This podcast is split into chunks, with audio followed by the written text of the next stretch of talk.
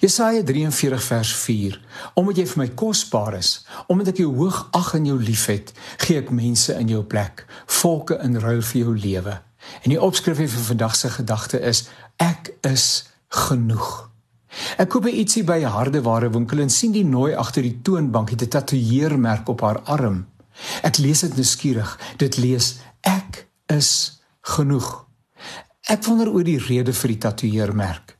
Nie dat ek daarmee 'n probleem het nie, maar watter rol sou dit speel en wat is die boodskap daarvan in haar lewe? Ons leef in 'n onvriendelike wêreld waarin ons dikwels voel dat ons nie genoeg is nie. Ons is nie slim genoeg, mooi genoeg, sterk genoeg, belangrik genoeg, ryk genoeg, vernaam genoeg nie. Ons moet gedurig presteer om ander te beïndruk en hulle guns te behou of so voel dit.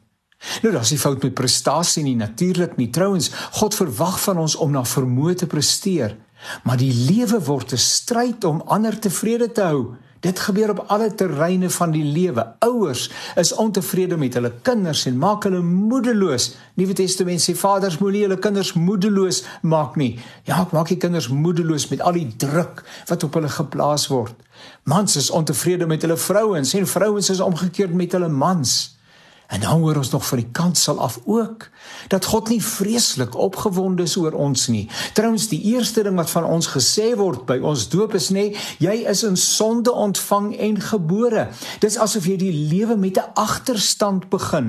Nee, ek glo die eerste ding wat 'n kind moet hoor is dat God hom of haar oneindig liefhet en 'n wonderlike plan met sy of haar lewe het. Dan hoor ons sondig vir sondig dat ons nie genoeg is nie. Ons kom nie daarvan weg nie. Die gebooie word voorgedra en ons staan skuldig. En dan bely ons skuld waarvan ons nie eers bewus is nie. Maar blyklik, so dink hulle, so sê die mense, is dit wat die Here van ons verwag. Ek verstaan die Bybel anders. Ja, sonde is 'n werklikheid en ons sukkel daarmee. Maar ek ken die Vader nie as iemand wat sy wysvinger beskuldigend na my kant toe wys nie. Ek het soveel onnodige skuld al in my lewe saamgedra. Anders se interpretasie van wat die Here oënskynlik van my vra en dit het my moeg verleë en moedeloos gelaat.